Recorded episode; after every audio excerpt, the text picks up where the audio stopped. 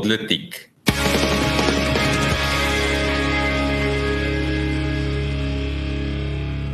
Goeiemôre.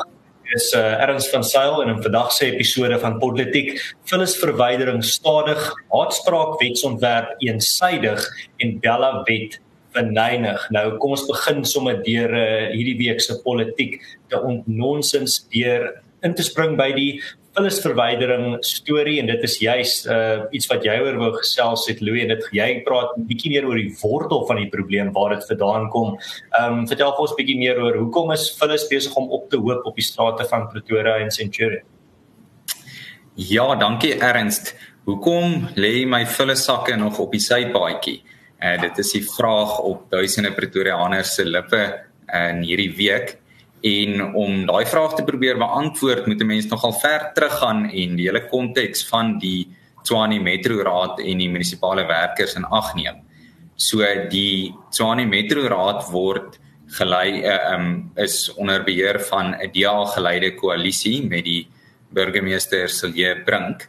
Maar uh, alhoewel die koalisie regering van die Tshwane Metro deur die DA gelei is, is die 'n groot deel van die amptenaarkorps uh, steeds ANC gesind en ehm um, vind ons dat die koalisie bestuur van die munisipaliteit nie in staat is om hulle beleid deur te voer nie uh, weens die werknemers wat daar is en ehm uh, alhoewel die regering van die Tshwane Metro verander het in die afgelope paar jaar het dit nie so eensklaps die werknemers en hulle gesindheid verander nie.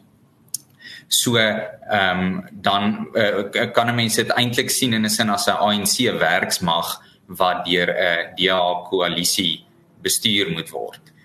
Ehm um, maar as ons na die meer onmiddellike oorsaak gaan kyk, uh, is dit 'n staking wat nou min of meer 6 weke aan die gang is waarin daar 'n uh, 5.4% verhoging, loonverhoging deur die werkers geëis word nou hierdie staking uh is nie in amptelike terme 'n uh, SAMU staking nie. SAMU het hulle uh het nie gesê dis hulle staking nie, maar dit kom op die ou end daarop neer die die werknemers wat staak is uh, in die meeste gevalle SAMU lede. Nou ehm um, verder moet ons ook uh, of ja, so toe die werknemers loonverhoging geëis het, is daar deur Silje Brink en die Metro Raad gesê uh, daar word iets so 600 miljoen rand benodig daarvoor en hulle beskik net doodgewoon nie oor die finansies daarvoor nie. So uh, die loonverhoging is van die hand gewys en toe het die staking gevolg en dit is nou nog waarmee ons sit in vir die afgelope 6 weke min of meer. Maar uh, nou uh, moet ons verder ook in ag neem. Daar was in 2018 'n loonverhoging uh van ver bo inflasiekoers. Ek het nie nou die korrekte syfer nie, maar dit was in elk geval noord van 15%. Daar's 'n groot loonverhoging in 2018 gewees. So dis nie asof die die huidige loonverhogingseis uh staan nood, uh, noodwendig van 'n lae basis af nie. Uh so aan die een kant kan ons sê uh ons ons verstaan heeltemal billik die die probleem van sal jy bring in die metro raad dat daar doodgewoon nie geld vir die loonverhoging is nie. Uh maar aan die ander kant ook uh het ons uh, simpatie met die inwoners van Pretoria self wat nou nog gefaktureer word vir die uh, munisipale dienste wat hulle nie ontvang nie. Uh so uh, met die uh, alhoewel dit nou nie net vullisverwydering is wat geraak word nie, uh met die klem op vullisverwydering wat 'n meetbare diens is, uh stem ons saam met die uh siening dat 'n uh, diens waarvoor wat ek nie ontvang het nie, moet ek nie gefaktureer word voor nie. En alhoewel dit net tot verdere verliese vir die metro raad sal ry, is sal lei is dit doodgewoon wat belang in belang van die inwoners tans is. Ehm um, ja, so ek dink ek sal dit eers net daar laat en erns dan kan jy uh, invoeg en nog insette lewer. Reg, so Louis, ek dink wat uh, ek wil bylas by jou konteks en ek het 'n mooi agtergrond gegee en verduidelik waar dit vandaan kom, maar ek dink daar's ook 'n silwer randjie aan hierdie storie en dit is die feit dat gemeenskappe het georganiseer en begin om vullis te verwyder. Een van daardie inisiatiewe was deur Afriforum se gemeenskapsstrukture. As ek reg onthou, het ons uh, in dis dit was nie hierdie naweek nie, dit was die naweek voor dit, het ons iets soos 2000 uh asblikke uh ek dink in 7 ure se vullis verwyder in Moreletta Park en dan ook uh in verskeie ander buurte dieselfde gedoen. So waar die staat misluk, waar die regering 'n leemte laat en nie die dienste lewer wat van dit verwag word nie, waarvoor mense belasting betaal kom uh die gemeenskappe op die ou end bymekaar en organiseer en besluit maar hier is 'n probleem wat opgelos word. En dit is ek dink dit is dit is nie 'n lekker situasie om te wees nie. Dit is iets wat beveg moet word. Maar terselfdertyd het baie gemeenskappe die afgelope paar weke bewys dat hulle gaan nie sommer net dit daar laat nie. Hulle gaan iets daaraan doen en uh, dit is wat die geval is by amper elke ehm um, geval van regerings of 'n uh, staatsverval is dat gemeenskappe sê net wel ons gaan nie toelaat dat dit gebeur nie ons sal self en uh, dit was baie mooi om te sien. Ja, dankie Ernst. Ek wil net graag ehm um, byvoeg dat ek weet in Junie 2023 was daar 'n interdik uitgereik om die geweld te onderdruk wat saam met hierdie stakings kom maar die stakings het maar net voortgeduur.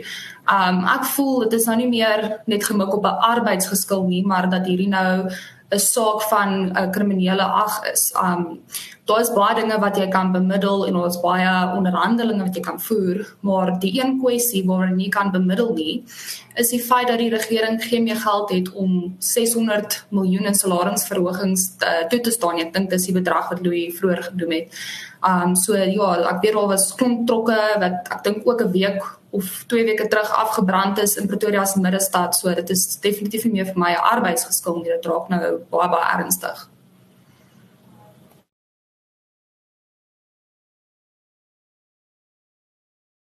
Uh ja, dankie Sharnay, as ek miskien net nog 'n laaste bietjie kan uh kan byvoeg daar, moet ons in gedagte hou uh, slegs 30% van die persone wat vullisverwydering doen in die Tshwane Metro is 'n uh, voltydse werknemers van die Metro Raad. Omtrent 70% van vullisverwydering geskied deur kontrakteurwerkers. Maar dis nie die die kontrakteurwerkers wat besig is om te staak nie. So daar's nou tans 30% van die werknemers wat 'n groot staking lei en ehm um, ontwrig die 70% van die vullisverwydering wat nog kan geskied. Ehm um, so ja, dan dan kan ons maar net weer uh, erken dit is regtig 'n moeilike kwessie en gaan nie uit munisipale kant uit sommer net opgelos kan raak nie. So die antwoord is soos Ernst verwyder het. Hoekom lê my vulle sakke nog op die sypaadjie? Uh dis omdat ek en my gemeenskap nog nie georganiseer het om dit afgelewer te kry nie. En ja, daar gaan uitdagings uitdagings wees, daar gaan doelbewuste ontvrugting wees, maar die eenvoudige oplossing is net dat uh bure moet hande vat en uh, meganismes in plek kry om vullisverwydering weer ehm um, aan die gang te kry. Maar ek dink ons kan dan afsluit met hierdie storie en aanbeweeg na die haatspraak wetsontwerp. Uh nou Ernst het vandag uh, namens AfriForum kommentaar gelewer vir die parlementêre komitee daaroor. Uh, so Ernst, ons is nuuskierig om te hoor wat jy daaroor te sê het. Reg, dankie Louis. So Afriforum het vandag 'n mondelingse voorlegging voor die gekose komitee oor veiligheid en justisie gelewer, uh, wat die voorgestelde wetsontwerp op die voorkoming en bekamping van haatmisdade en haatspraak ten sterkste teenstaan. Nou altyd wat die geval is um, met uh, hierdie tipe wetsontwerpe is hulle altyd hierdie pragtige name. Hulle het hierdie name wat mense sê, "Hoe kan jy teen dit wees? Hoe kan jy teen 'n wetsontwerp wees wat haatmisdade beveg? Of hoe kan jy teen 'n wetsontwerp wees wat uh, haatspraak beveg?" Maar dan gaan kyk jy wat uh, in die agtergrond aangaan, dan kyk jy so 'n bietjie agter die gordyn. Jy kyk bietjie wat in die engine kamer aangaan van hierdie wetsontwerpe. Dan sien jy dit dit daar daar's geen verbintenis tussen die titel en uh die die inhoud nie. So Afriforum het ook in 2019, 2021 en 2023 skriftelike kommentaar teen hierdie voorgestelde wetsontwerp ingedien en in 2022 het ons mondelingse voorleggings gedoen waarin die organisasie se kommer oor die wetsontwerp uiteengesit is. Die wetsontwerp is nou weer oop vir openbare kommentaar en dit is wat ek nou vanoggend aan deelgeneem het as Afriforum verteenwoordiger. So net miskien 'n bietjie agtergrond oor waar teen Afriforum hier staan en dit is Afriforum is bekommerd oor die verslegtende dubbele standaarde wat wortel geskiet het rakende haatspraak wanneer dit kom by hofuitsprake, regeringstoepassing van wetgewing en media veroordeling. Hierdie wetsontwerp skep net verdere potensiaal vir hierdie tipe skadelike dubbele standaarde om met groter vooroordeel en erns toegepas te word. Hierdie dubbele standaarde het selfs in vorige beraad uh, uh, in vorige byeenkomste van hierdie raad uh, of van hierdie kommissie oor hierdie einste wetsontwerp uh, plaasgevind of dit na vore gekom. So Afriforum het in 2022 die adjunkminister van Justisie John Jeffrey se onaanvaarbare opmerkings en stereotipering van Afrikaners tydens die portefeulje komitee oor justisie en korrektiewe dienste se vergadering oor die voor hierdie uh, haatspraakwetsontwerp veroordeel en uh, daar het hy allerlei sukses stereotiperende en uh, onaanvaarbare opmerkings oor Afrikaners gemaak maar terselfdertyd gesê maar uh, hierdie wetsontwerp is juis gemik daarop om enige tipe ehm um, haatlike retoriek teenoor groepe te beveg. So Want daar's twee opsies. Aan die een kant sê Afriforum, nee, daar moenie uh, net om aanstootlikheid op sy eie moet nie onwetlik wees nie. Jy mag aanstootlike goed sê, al is dit nie iets wat aangeraai moet word nie en iets wat moet gestigmatiseer word. Terselfdertyd moet daar nie wette teen dit wees wat gaan hou dat jy in die tronk laat opeindig daarvoor nie. Maar as ons gaan wette maak wat soos wat hierdie haatspraakwetsontwerp gaan probeer um, om sulke tipe retoriek uh onwettig te maak, dan gaan dit ten minste konsekwent toegepas moet word wat ons definitief weet nie gaan gebeur nie. So werklike haatspraak word toenemend goed gepraat en selfs aangemoedig teen groepe soos rasseminderhede, Afrikaners of boere in Suid-Afrika, terwyl spraak wat nie volgens grondwetlike standaarde as haatspraak gekwalifiseer kwalifiseer nie, toenemend as haatspraak behandel word. Nou ek wil net afsluit met want dit is iets wat altyd na vore kom en dit is die wat is nou regtig die definisie van haatspraak? Wat is haatspraak? Wel die Suid-Afrikaanse grondwet het 'n uh, baie spesifieke standaard vir wat as haatspraak kwalifiseer.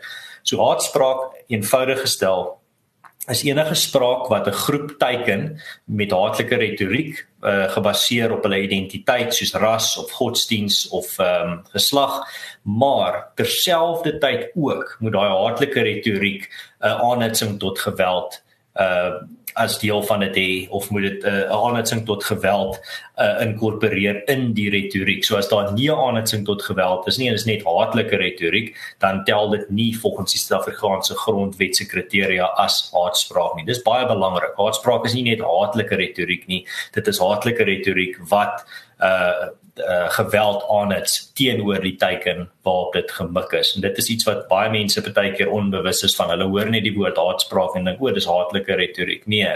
Ehm um, jy kan baie haatlike goed byvoorbeeld vir jou vriend of jou vyand of vir jou ouers of wie ook al kan jy sê as jy uh, uh vir enigiemand kan die teiken wees van haatlike retoriek, maar dit beteken nie dit tel as haatspraak nie. Dit is eers as jy dan nog ook ehm um, die dreigement van geweld daaraan koppel wat dit volgens die grondwet se kriteria haatspraak word. Ja, dankie Ernst. Ehm um, ek ek wil aanhaak by jou eerste opmerking oor die naam wat aan wetsontwerpe gegee word. Uh, ek dink dis 'n uh, 'n bladsytjie uit die Amerikaanse politieke boek uit.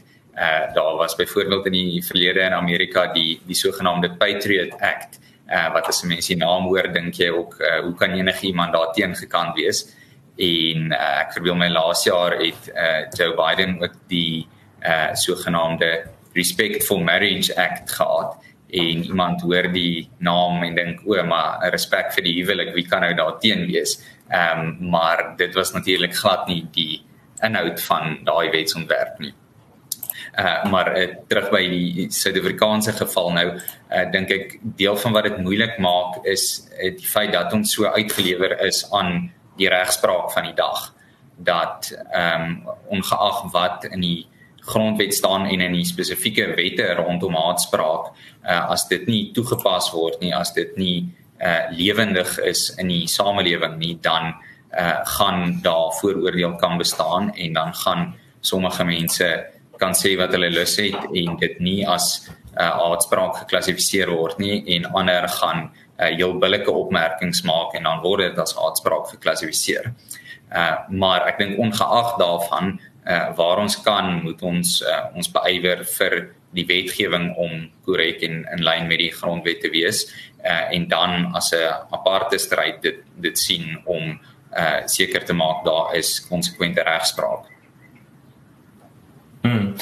Ehm um, Shanay voor ek uh, vir jou die mikrofoon oorgee, hier's net 'n vraag met die vorige storie wat ek graag wil antwoord want dit is 'n baie goeie vraag van Johan Nel wat vra speel gemeenskappe nie in die hande van die staat as ons alles self doen nie? Meer geld in hulle sakke en dit lyk of hulle die dienste verskaf. En dan volg dit op met 'n kommentaar waar hy sê gemeenskappe betaal basies dubbel vir dienste. So net die eerste kommentaar. Absoluut as dit kom by hierdie bekommernis verstaan ek dat as mense sien maar gemeenskappe doen self die geld kan is hierdie 'n geldige bekommernis maar dan moet ek tog vir jou vra wat is ons is ons uh, doelwit op die ou end? Is ons doelwit op die ou end om die regering te straf sodat die regering sleg lyk of is ons doelwit om dat ons gemeenskappe werk? Wat is vir ons belangriker? Ek dink ons prioriteit moet wees dat ons gemeenskappe werk al laat dit die regering beter lyk. Al is dit nie 'n straf vir hulle nie al het hulle dan meer geld in hulle sakke ons top prioriteit is nie om die regering te straf nie. Ons top prioriteit is dat ons gemeenskappe werk en nie verval nie. Nou die vullis nie daarin ophoop nie of dat hulle onveilig is nie. Selfs met buurtwagte. Buurtwagte laat die polisie se statistieke beter lyk.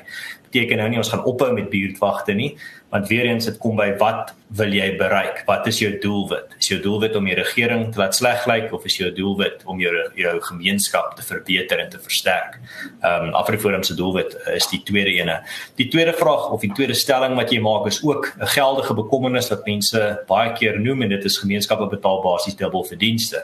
Hier gebruik ek die voorbeeld van die Titanic. So die wat met die Titanic gebeur het was aaklig en dat daar daar's duisende mense dood, maar terselfdertyd wat doen jy as die skip waarop jy is besig is om te begin sink of as daar probleme rondom jou uh na vore kom gaan jy in die hoekie gaan sit en kla oor die feit of of net praat oor die feit dat hierdie is onregverdig ek het betaal vir my kaartjie ek het betaal vir 'n veilige bootrit of gaan jy doen wat jy kan om die mense rondom jou te red en te help en die probleem teen te werk? So ja die feit dat ons dubbele belasting in 'n sekere sin betaal is absoluut onregverdig. Dit is grootliks onregverdig aaklig maar terselfdertyd gaan ons hoof fokus weer eens wees om te praat oor die onregverdigheid van ons situasie of om iets daaraan te doen. Uh, ons voorouers maak nie saak in watter generasie jy gaan kyk nie.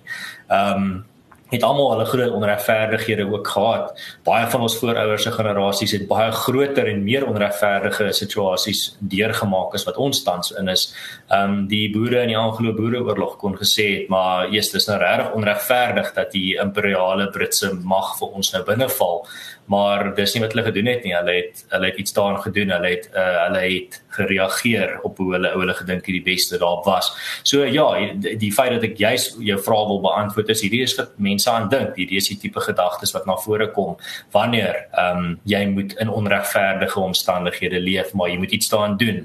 Ehm um, en so twee die twee goede is eerstens wat is jou prioriteit en tweedens ehm um, wat uh, wat gaan jy doen aan die probleme rondom jou? Ehm um, almal voor ons was al in onregverdige omstandighede.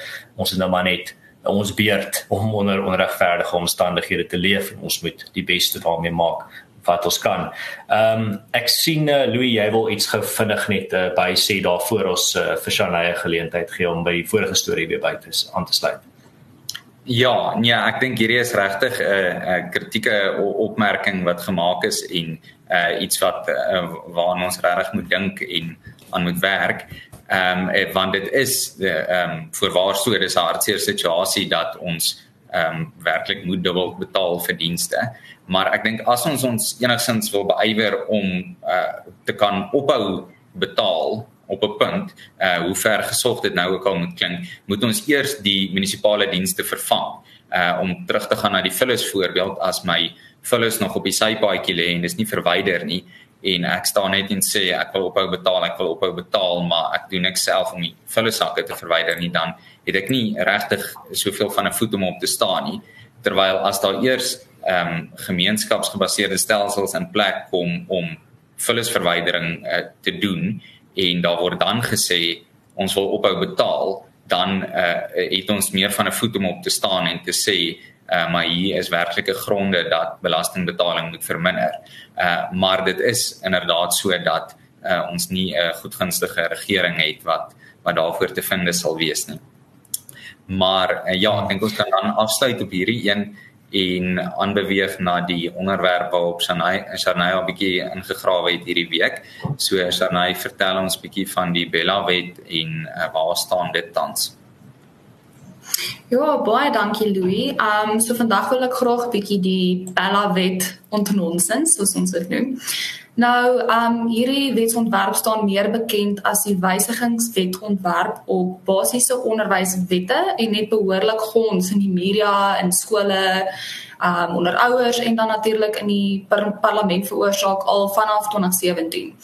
Nou, um dit is belangrik om te noem dat hierdie wetsontwerp slegs een vergadering weg is van 'n finale besluit dit is vir my altyd kenmerkend om te sien hoe vinnig die staat sowel as politieke partye nie toelaat dat daar gras onder hulle voete groei vir die land se jaarlikse verkiesing nie ons sien dit elke jaar of elke 4 jaar skies. Um skielik is al die slaggate in jou bier reggemaak en al die vullis oornag verwyder. Nou in die geval nie, maar um ja, nietemin Die nonsens met die Bella wet is dat skoolbeheerliggame moontlik finaal van hulle magte gestroop gaan word om openbare skole se taal en toelatingsbeleid te bepaal vir die onvoorsiene toekoms. Die sentrale mag gaan dus aan die provinsiale onderwysdepartementshoofde gegee word. So natuurlik lok hierdie onderwerp baie kontroversie en debat omrede dit blyk nou 'n direkte aanval teen veral Afrikaanse skole en spesifiek die Afrikaanse taal. Um ek wil graag twee menings met julle deel. Um oor Suid-Afrikaanse ouers oor hulle opinie oor die Bella wet. They already have so much power and they make so many things flop. This is going to be a big problem. Children must be taught in their mother tongue. En dan die tweede mening wat sê, instead of struggling with language policy, build schools. We have a huge shortage of schools. then there's a school for everyone in their chosen language en dit is absoluut waar. Buiten die taal en toelatingsbeleid wat in die hande van die staat gaan lê, poog die wetsontwerp ook om graad R die nuwe verpligte beginpunt van skool te maak in plaas van graad 1. Ouers kan ook gekriminaliseer word as hulle kind of kinders nie skool gaan nie met 'n vonnis wat kan strek tot 12 maande. Uh wat dan nou ironies is, kan ouers alkohol koop um solank dit buite skoolure is op die skoolterrein. Um vir my behoort tronkstraf en alkohol nie saam in dieselfde sin nie en nog minder moet verbind word met skole. Um die staat hoort eerder te fokus op kwessies soos klasse wat oorvol is aangesien daar te min skole in die land is en dan te verseker dat daar nog skole gebou word. Sodra die wetsontwerp geïmplementeer word, gaan die staat 16 miljard rand moet opdok om die wetsontwerp deur te voer daardie geld kan baie beter benut word in skole en dan die wetsontwerp is nie net vir my belaglik nie dit is belaglik en dit hoort in 'n demokratiese samelewing nie ek wil graag daarso afsluit en hoor wat julle opinie is Hmm. So nou net gevinnig voor ek my gedagtes deel die konteks daai twee kommentare wat jy gelees het was dit vanaf sosiale media of onder 'n uh, artikel wat jy hulle gevind? Ah uh, dit was onder 'n artikel in George Herald. Alright. Nee, ek wil sommer net daar vir ons luisteraars daai konteks gegee het. Ehm um, ja, van my kant af hierdie is ek dink jy het 'n goeie agtergrond gegee, Shanay. Ek wil net 'n uh, kort by uh, gedagte daar bylas dat dit hierdie is wat die modus operandi van 'n regering wie se hele ideologie rondom sentralisering van mag is. So daar's ne, daar's nêrens in die ANC se uh, gereedskapskassie enige uh, stuk gereedskap wat vir hulle uh, toelaat om mag af te wentel of mag na uh grondvlak toe te verskuif of enigsins uh mag te verloor nie. Alles moet altyd gesentraliseer word. Die mag van die regering en die staat moet altyd net toeneem. Dit is hulle filosofie. Dit is die filosofie van die nasionale demokratiese revolusie. Dit is die filosofie van hulle uh, dit is hulle ideologie.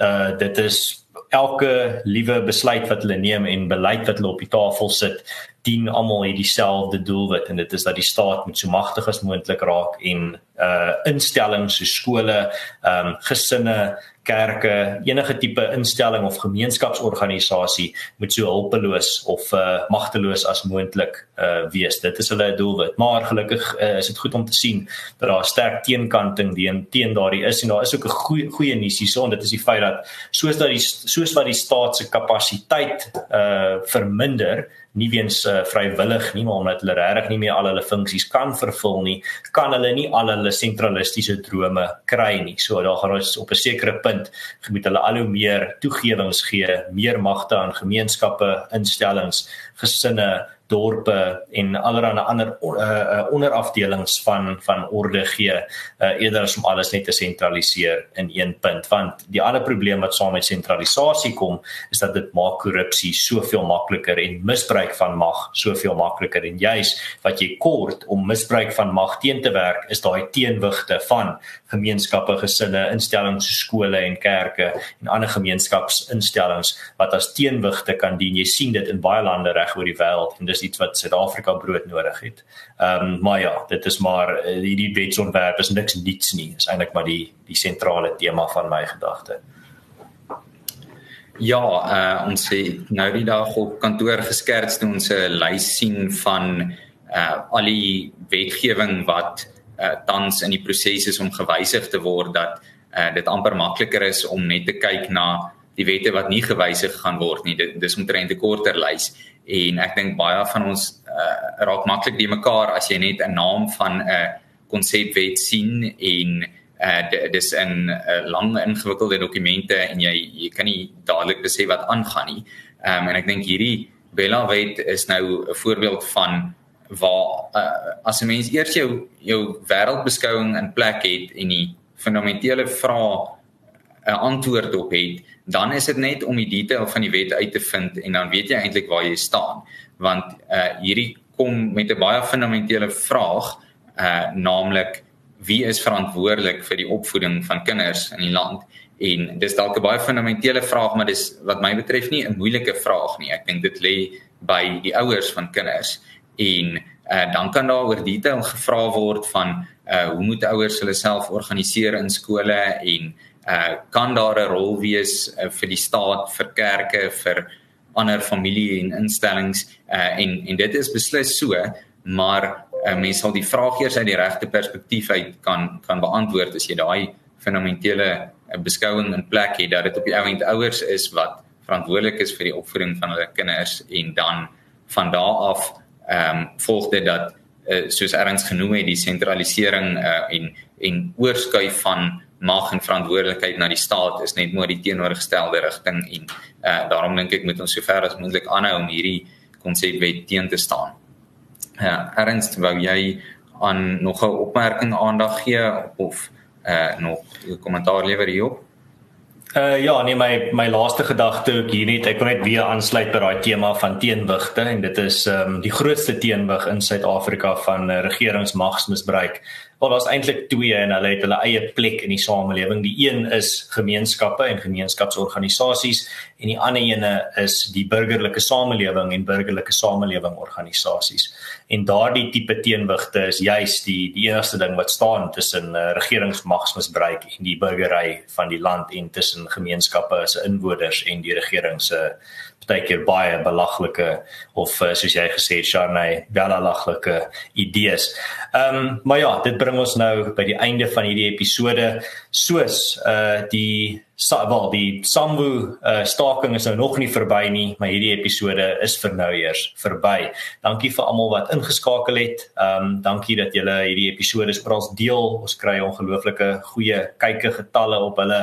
Ons hou ook om daarvan om al julle kommentare te lees. Julle kan in die kommentaar afdeling julle gedagtes deel en saam met ons ontnonsens en uh, dan sien ons julle weer volgende week. Selfe plek, selfe tyd, Woensdae om 4:00 regstreeks op ons YouTube kanaal en jy kan ook op 'n klomp ander potsending kanale die klankweergawe van hierdie uitsending gaan vind en lekker saam luister. Onthou ook om dit te deel met jou vriende en familie en uh, dan sien ons julle weer volgende week. Totsiens, mooi loop.